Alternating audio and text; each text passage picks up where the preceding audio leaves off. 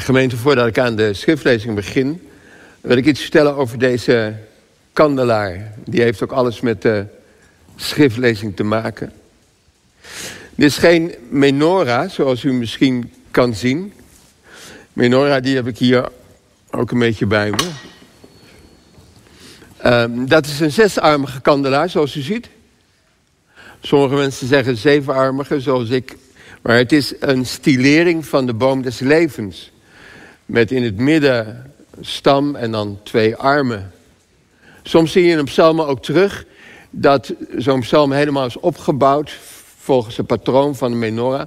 Psalm 67 bijvoorbeeld, kun je thuis eens nalezen. Dan zie je dat er drie versen zijn met twee uh, regels. En dan een stam in het midden met drie regels en dan weer twee. En die psalm gaat over het licht. Hè? Doe uw licht over ons schijnen, opdat alle volken u zullen vrezen.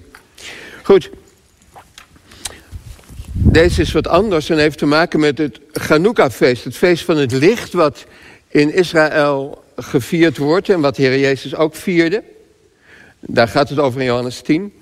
En wat dit jaar ons kerstfeest overlapt. Het is ook het feest van het licht.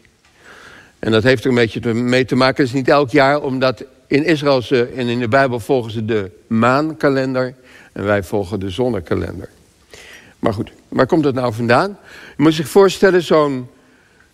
Ja, laat ik het maar vertellen. 300 jaar voor Christus ongeveer is er een uh, jonge Griekse generaal uit Macedonië... die in no time, in een paar jaar, de hele bekende wereld aan zijn voeten brengt. Zijn troepen veroveren dat machtige rijk van Perzië, wat al een paar eeuwen de baas speelt.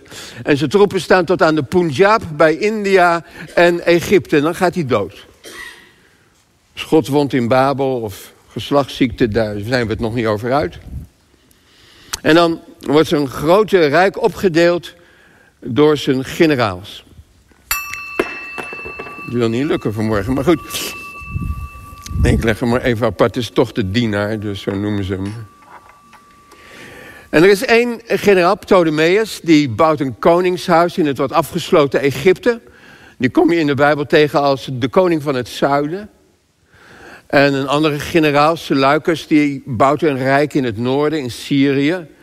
En die komen in de Bijbel tegen als de koning van het noorden. Dus dat heeft nog niks te maken met Amerika en Rusland of zo.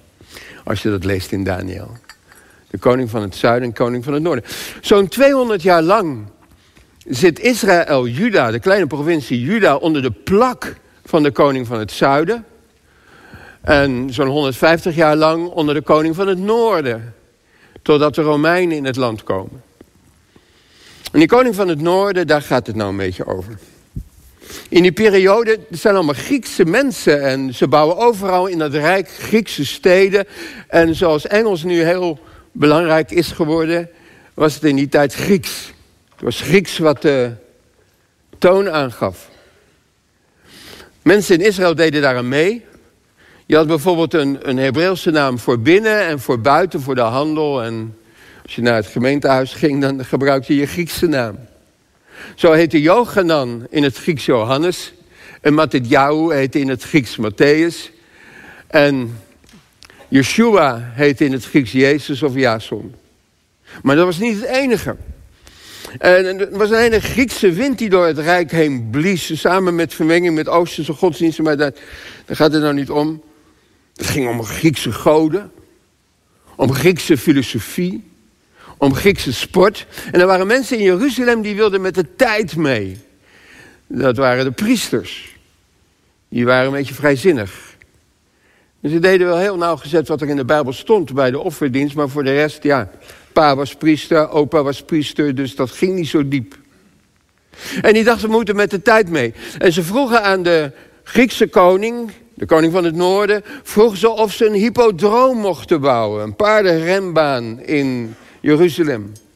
En een gymnasium, dat was iets anders dan tegenwoordig. Een gymnasium betekent letterlijk een naaktloperschool. Dus dan gingen de priesters, als ze hun offers gebracht hadden, naar beneden, naar het gymnasium. En dan gingen ze worstelen en discus gooien en speerwerpen en zwaardsvechten in hun blootje. Er waren ook geen vrouwen bij, maar dat is een detail. En ze brachten tributen, offers, als er weer een feest was voor Griekse goden.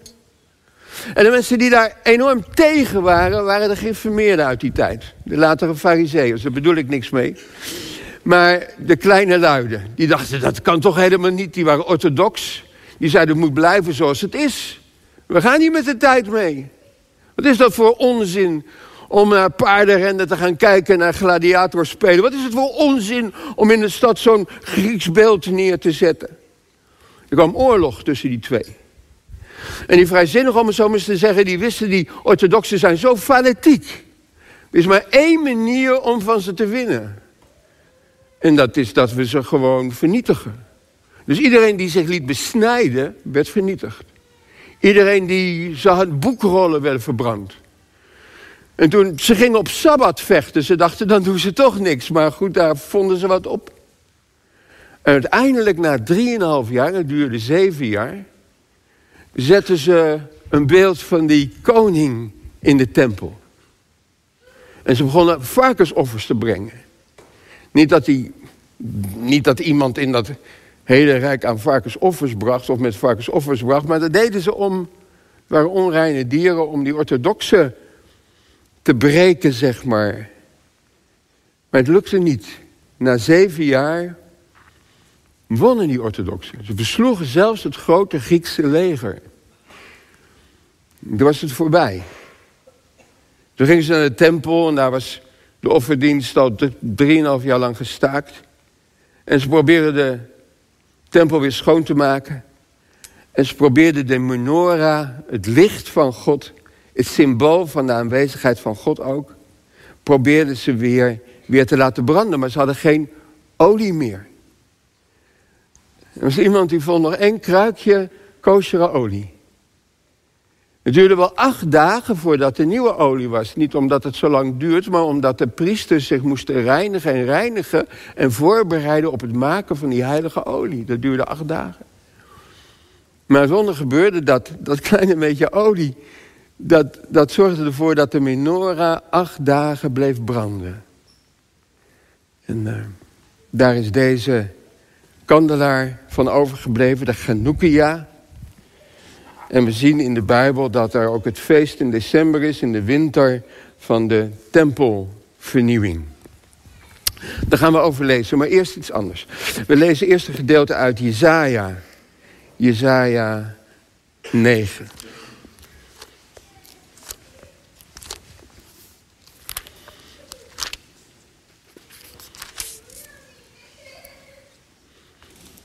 Het volk dat in duisternis ronddoodt, ziet een schitterend licht.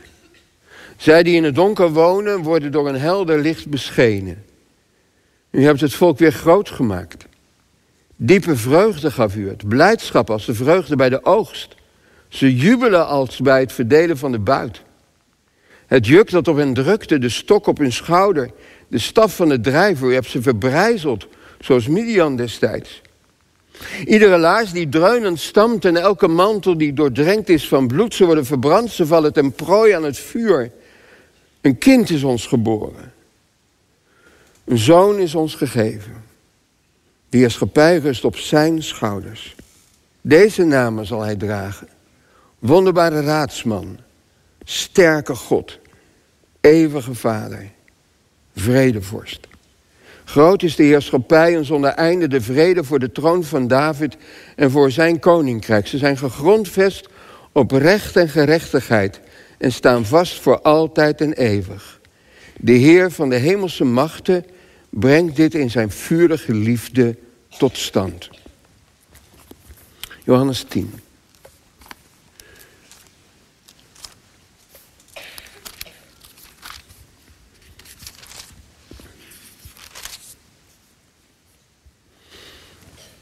Johannes 10 vanaf vers 22. In Jeruzalem werd het feest van de tempelwijding gevierd. Dat is Chanukka. Het was winter. Jezus liep in de tempel in de zuilengang van Salomo. Er kwamen Judeërs om hem heen staan. En ze vroegen hem, hoe lang houdt u ons nog in het onzekere? De Judeërs, dat zijn de mensen van zijn eigen stam, van Juda. Die wonen daar in Jeruzalem. Zijn niet de Joden in het algemeen. Als u de Messias bent, zeg het ons dan ronduit. Jezus antwoordde, dat heb ik u al gezegd, maar u gelooft het niet.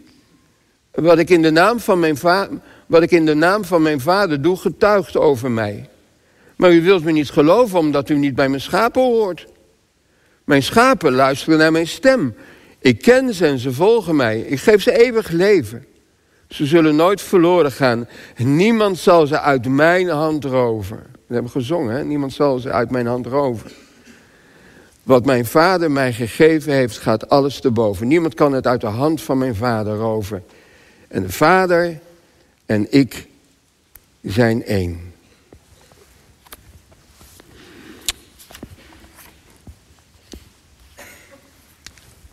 Je zou kunnen zeggen, gemeente, dat het vernieuwingsfeest, het Chanukka-feest in de Bijbel, drie spitsen heeft. Allereerst de overwinning vroeger op die heidense Griekse koning. Maar daar hebben ze het nou in Jeruzalem niet zoveel over. Daar pakken ze niet zo uit omdat de Romeinen op de, om de hoek zitten. En het tweede is het herstel van de eredienst voor God. Dat het licht weer is gaan schijnen, dat de kandelaar is weer, weer is aangegaan en dat zo het licht van God de wereld in schijnt. En dat, dat zit er ook in, in die boodschap van het winterfeest, dat je je moet uitkijken dat je je aanpast aan de geest van de tijd. En zeker niet de afgoderij, zeker niet het heidendom. Maar dat je met liefde moet leven in het licht van de geboden van God. En op dat feest komt de Heer Jezus naar Jeruzalem.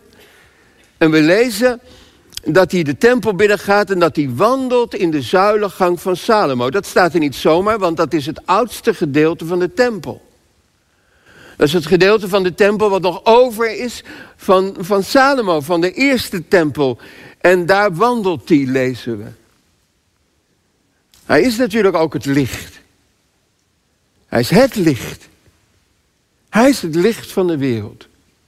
Zo begint Johannes zijn evangelie ook. In het begin was het woord en het woord was bij God en het woord was God. In het woord was het leven. En het leven was het licht van de mensen. En het licht schijnt in de duisternis. En dat is wat wij met kerst ook bedenken. niet dat de dagen weer gaan lengen, misschien ook wel. En dat het niet altijd winter blijft, misschien ook wel een beetje. Maar toch in de eerste plaats dat Jezus het licht van de wereld is. En dat er een einde komt. En alle chaos en alle ellende en alle geweld en ziekte. Zingen we het dagend in het oosten. Het licht schijnt overal. Hij komt de volken troosten die eeuwig heersen zal. Die eeuwig heersen zal. En dan lezen we dat de Judeërs Jezus aanspreken op dat feest van Chanukka en hem recht op de man aan, afvragen, hoewel ze het niet over die, maar in hun hoofd zit er natuurlijk wel die heidense koning, aan hem vragen, bent u het? Bent u degene die Israël verlossen komt? Bent u de gezalfde?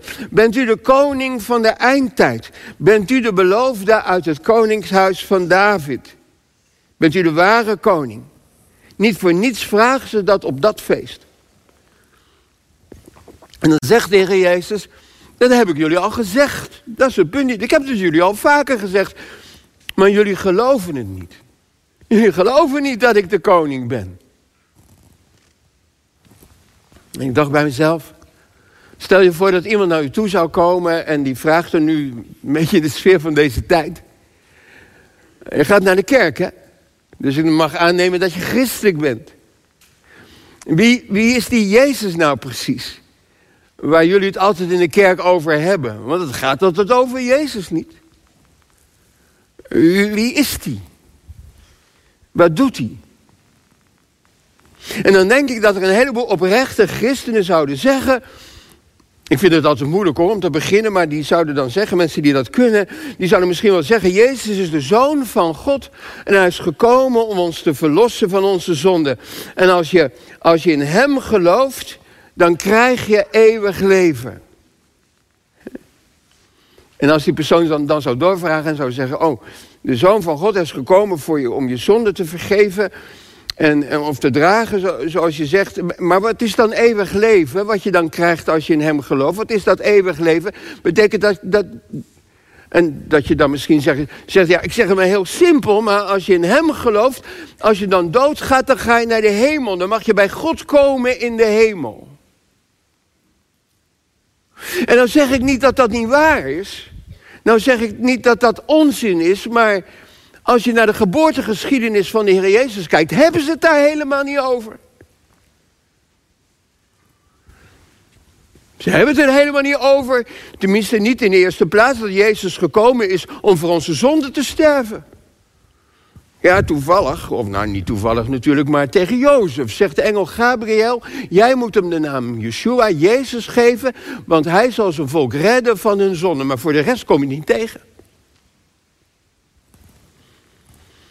Als de engel Gabriel naar Maria toe gaat, dan zegt hij, deze zal groot zijn. Hij zal zoon van de Allerhoogste genoemd worden. En God zal hem de troon van zijn vader David geven. En hij zal koning zijn over Israël, over Jacob voor eeuwig.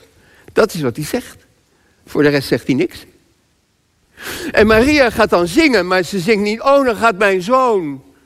Nee, ze zegt, rijken zullen leeg worden weggestuurd en machtigen zullen van een troon getrokken worden, want ik ben in verwachting van de redder. En als oom Zacharias gaat zingen, als hij weer kan praten, na drie maanden, dan gaat hij zingen, nu zullen wij bevrijd worden van alle mensen die ons haten. Nu zullen wij bevrijd worden van al onze vijanden. En nu zullen wij in vrede God kunnen dienen alle dagen van ons leven. En vroeger dachten we, ja, oom Zacharias, oom Zacharias. Die, die, dacht, die, die stond met één been nog een beetje in de oude tijd. Want wij begrijpen natuurlijk wel dat Jezus daar niet voor gekomen is om Israël een beetje te verlossen van zijn vijanden. Dat is een fysiek, dat is een historisch, dat is een verkeerd beeld van de Messias. Dat is zo weinig geestelijk. Maar dan vergeet je, dan vergeet je je te herinneren dat daarbij staat dat Zacharias toen hij dat zong vol van de Heilige Geest was. Is helemaal geen verouderd beeld. Het was de Heilige Geest die hem dat liet zingen. En als Maria, als ze bij Simeon is, dan zegt Simeon tegen haar dat hij een licht zal zijn voor de wereld, maar dat er ook dat, er ook, dat hij zal zijn tot een val en een opstanding van velen in Israël. En dat er ook door jou, Maria, dat er ook een zwaard in je hart zal komen, door je hart zal gaan. En dat betekent niet dat ze daar bij het kruis gaat en, oh, wat een pijn. Dat ook wel. Maar dat ook zij verdeeld zal zijn. Er zullen momenten komen dat ze het kwijt is. Er zullen momenten komen dat ze denken: is Jezus werkelijk wel de, de verlosser die God gegeven heeft? De redder van de eindtijd. Matthäus zegt het wel. Dat Jezus zal sterven voor de zonde. Of dat hij bevrijden zal van de zonde. Maar hij zegt natuurlijk veel meer andere dingen. Hij begint met zijn geslachtsregister van drie keer veertien namen. En dat is niet zomaar van 14 is in de Hebreeuwse getalswaarde David, de naam van de, de David. de D en de Waf en de D. De 4 en de 6 en de 4, dus 14, drie keer 14. Dat wil hij laten zien. En al die koningen die dan voorbij komen, die gewoon die en die gewoon die. Er is er maar één die die werkelijk ook koning noemt. En dat is David. Dat wil hij duidelijk maken. De beloofde koning uit het huis van David is geboren. En hij vertelt over wijze of koning uit het oosten, zoals de profeten zeiden dat, dat die zouden komen. Die goud en wierook en meren, die schatting voor de koning der Joden. Waar is de koning der Joden? Vragen aan iedereen. Waar is de koning der Joden? Die is geboren. En ze brengen hem schatting. Heb Psalm 72, Jezaja 60. Daar gaat het om. Rome is dus niet het einde. Daar begint Lucas ook mee. Hè? Die begint te vertellen, zelfs bij de doop van Jezus, wie er allemaal regeren. Maar hij eindigt als, een evangelie, het evangelie in Rome gekomen is. Rome is niet het einde. En wat wij mogen weten is dat, dat Jezus het nog steeds is, de koning van de eindtijd. Dat hij tegen Johannes zegt, ik ben de alfa en de omega. Ik ben het begin en het einde. Ik ben dood geweest en zie ik leven. Ik heb de sleutels van de dood en van het dodenrijk. Ik ben de overste van de koningen van de aarde. En met dat geloof, met dat geheim wat, wat we niet zien, maar wat ons wordt toegezegd en geopenbaard in de Bijbel, gaan wij als christenen de toekomst tegemoet. We gaan het licht tegemoet. Want we weten wat er ook gebeurt in het oosten. En hoe groot China misschien ook zal worden. En, en hoe, hoe belangrijk de VN nog en, en wat allerlei mensen bedenken in hun hoofd halen over een mogelijke wereldregering. Daar hoor ze over praten. En dan alle gaas en vragen, tel ze er maar bij op. Wij weten, wij kennen het geheim, dat Jezus even heersen zal. In Jeruzalem. Zijn voeten zullen staan op de Olijvenberg. De stad van de grote koning. Waar ooit het paradijs was. Het bruggenhoofd van God op aarde. En als we al naar de hemel gaan, dan is het niet voor altijd. Want wij zijn helemaal niet gemaakt voor de hemel.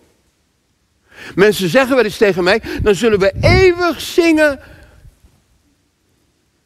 En dan denk ik bij mezelf, dat is lang.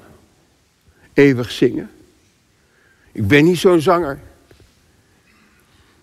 Maar ja, misschien wordt dat, dan zal dat wel gerepareerd zijn dan.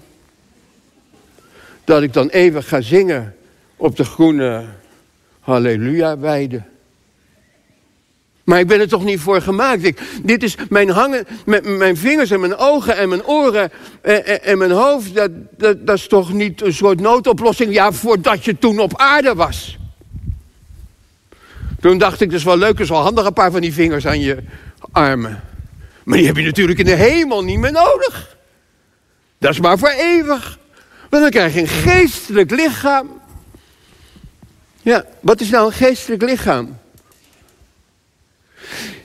Jaren geleden is nou wat ouder, maar dan stonden we bij het Malle Gat. Dat is een, een haventje in Ondermarkt waar ik toen predikant was. En toen zei ik, toen stonden we te wachten op de heilige, op Sint-Nicolaas. En hij kwam er al aan. Ik zeg tegen mijn kinderen die op een rijtje staan... zie, hij komt er al aan.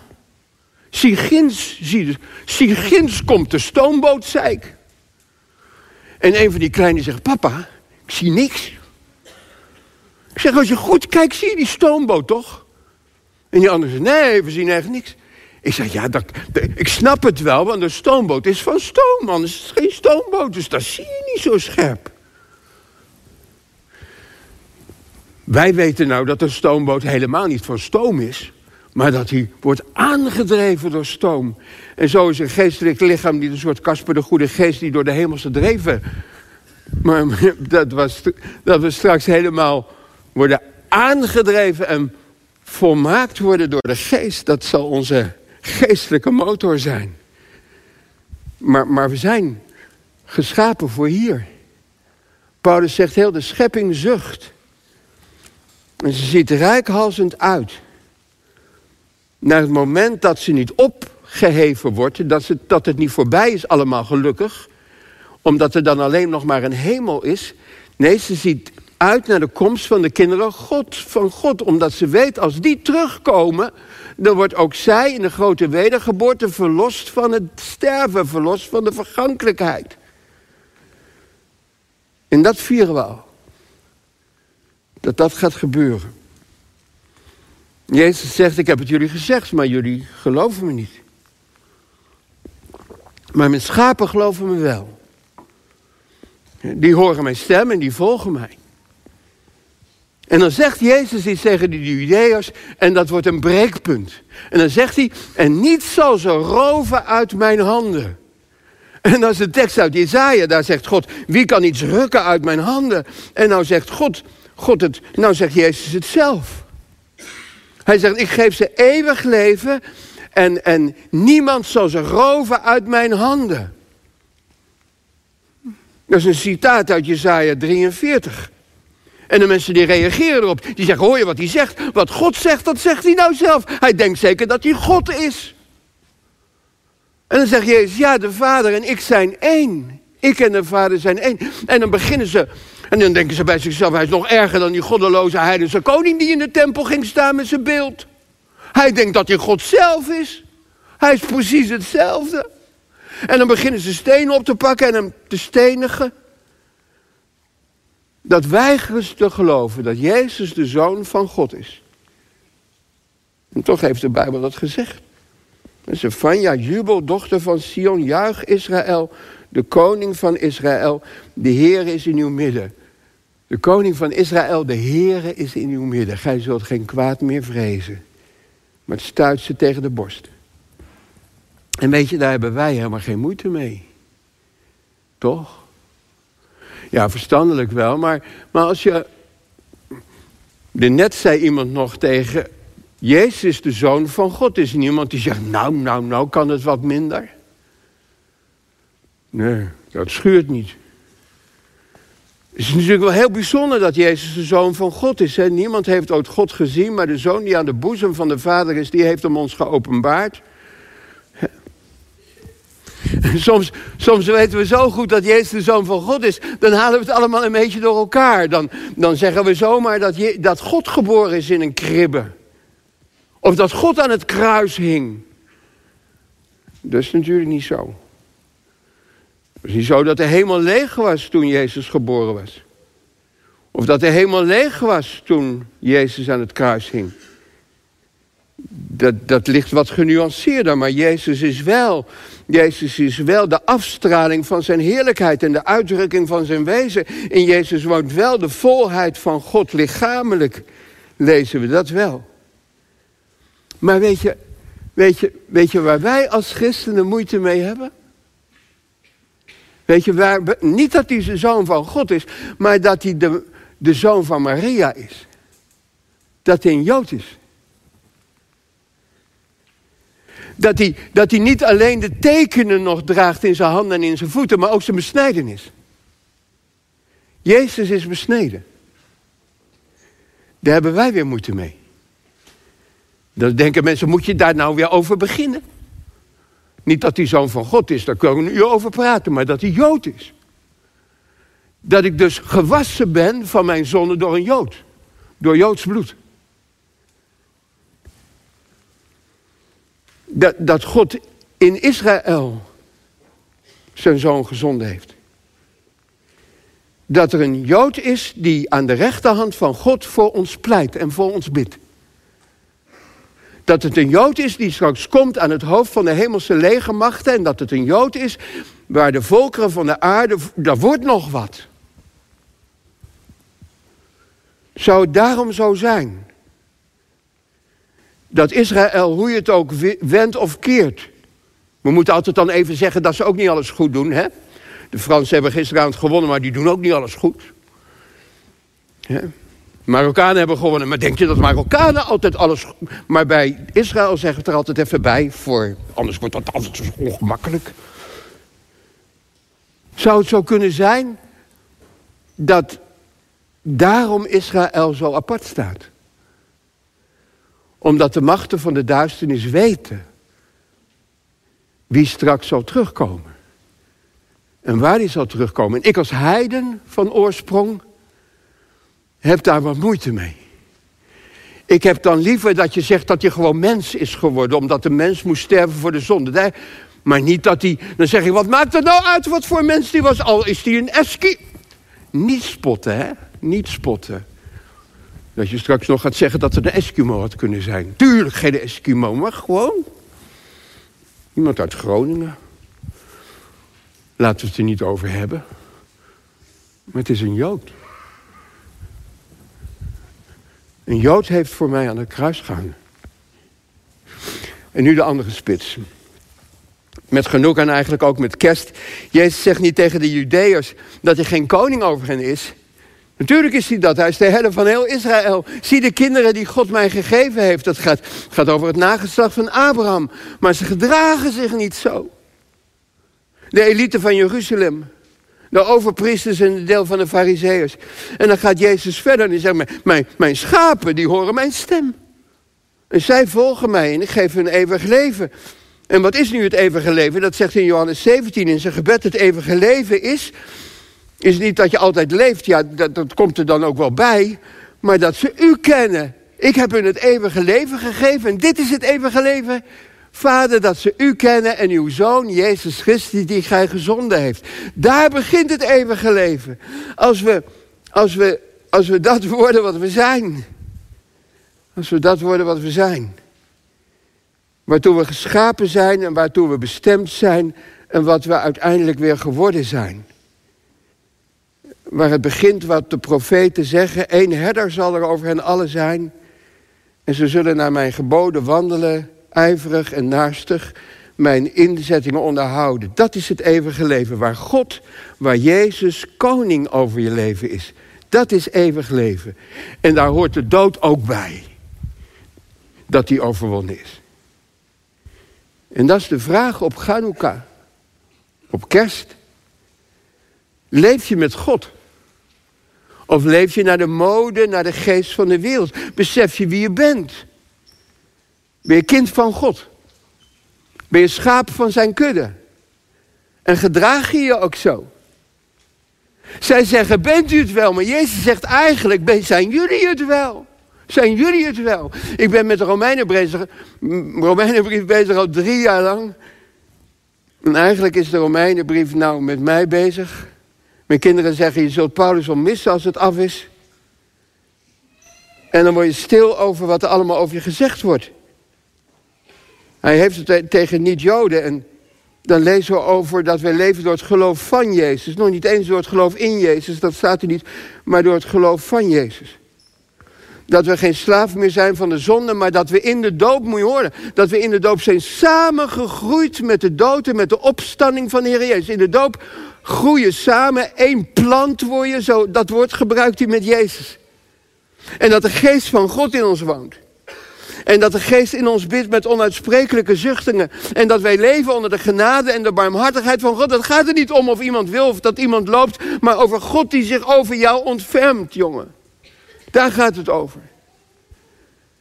En het was een wereld hoor, waar ze in leefden. Rome, dat zijn heidense filosofieën, heidense goden, het recht van de sterkte, fascisme, occultisme, arrogantie, neerkijken op de rest, wij zijn het. En Paulus zegt, wie ben je geworden? Hoe leef je? En het is zo belangrijk. Want wij in de kerk, laten we wel wezen, ik heb de ervaring mee, wij vallen niet op door wat we zijn, jammer genoeg, maar wij vallen op doordat we het beter weten. We hebben altijd gelijk. We weten het altijd beter dan de rest en daarom zijn er duizend verschillende kerken, omdat de ene kerk het nog beter weet dan de andere. Omdat we het beter weten dan de Joden. Wij, wij drinken de beste wijn die God op het laatst bewaard heeft. Wij hoeven helemaal niet onze leer tevoorschijn te halen en daarmee te wapperen en te zeggen: Weet je wel dat wij gelijk hebben? Je kan het aan ons zien. De geest leeft in ons. Jezus, we zijn één geworden met Jezus. Ik kwam laatst een jonge vrouw tegen, ergens in het zuiden of zo. En die, dus een Roomse omgeving in het zuiden, in Maastricht. En die zei, ik ben gedoopt. Maar daar waren ze thuis niet zo blij mee. Ik zeg, nee. Je komt uit een katholiek nest, ja. Dus ben niet blij dat ik hier nou bij de baptisten zit. Ik zeg, ik herken dat wel. Soms kun je beter buitenkerkelijk worden dan dat je je laat dopen. Ik zeg, wat doe je nou? Ze zegt, ja, ik probeer het uit te leggen. Maar ik ben nogal fel. Ik zeg, ja, dat, uh, ook dat herken ik. Ik zeg, maar je kunt het gewoon laten zien. Je hoeft helemaal niks te doen. Je hoeft je familie niet te overtuigen. Je hoeft je kinderen niet met de paplepels. Straks gaan ze het al buitenkerkelijk met andere dingen. Van alles met paplepels in. Dat zijn ze gewend. Je moet gewoon... moet gewoon Jezus leeft in je. Ik leef niet meer. Maar Christus leeft in mij. God is bezig om ons voor te bereiden op de toekomende eeuw. Je hoeft niet tegen je buren te zeggen dat je het beter weet. Er is iets met je gebeurd. En zo leven wij het licht tegemoet. Ik ga afronden. Ik, ik, eindig met een cliché, want ik kom uit het land van de aardbevingen. Dat weet u, we zijn half zeven vertrokken. Ik kom uit het land van de aardbeving en van de omgekeerde vlaggetjes. De omgekeerde vlaggetjes, weilanden vol. Je moest eens weten, in Friesland is het nog veel erger. We hebben ook een probleem. Eerst hadden we COVID. En toen kreeg je even de apenpokken. Ik heb ze gelukkig niet gehad. En toen ademden we te veel CO2 uit. En te veel stikstof in. En toen kwamen de pensioenen. En nou het grondwater. En de oorlog. En het gas. Wat gaat er cent met me doen? En de inflatie. En de immigratie. Kan mijn dochter nog een huis vinden? En het klimaat ook nog. Ik krijg er af en toe het heen en weer van. Soms denk je, één ding moeten we doen. Het, staat, is ook zoveel, hè. Het is ook zo... Je kan me voorstellen dat mensen denken... Maar laten we ons niet misleiden. Laten we bidden voor onze regering dat ze wijze beslissingen neemt. Met alles op tafel. Maar laten we ons niet misleiden, want er is iets groots gaande. Het evangelie van het koninkrijk is bijna gebracht in heel de wereld. En de kinderen van Israël komen na 2000 jaar thuis. We mogen ook wel eens de andere kant op kijken in deze dagen. En uitkijken naar het licht. De voetstappen van de Messias zijn hoorbaar en laat niets je daarvan afbrengen. Wij wandelen met het licht in ons, het licht tegemoet. Totdat hij komen zal. Amen. Laten we bidden. Heer God in de hemel, in de verwarring van onze tijd kijken we uit naar uw rijk. Het koninkrijk dat gaat komen.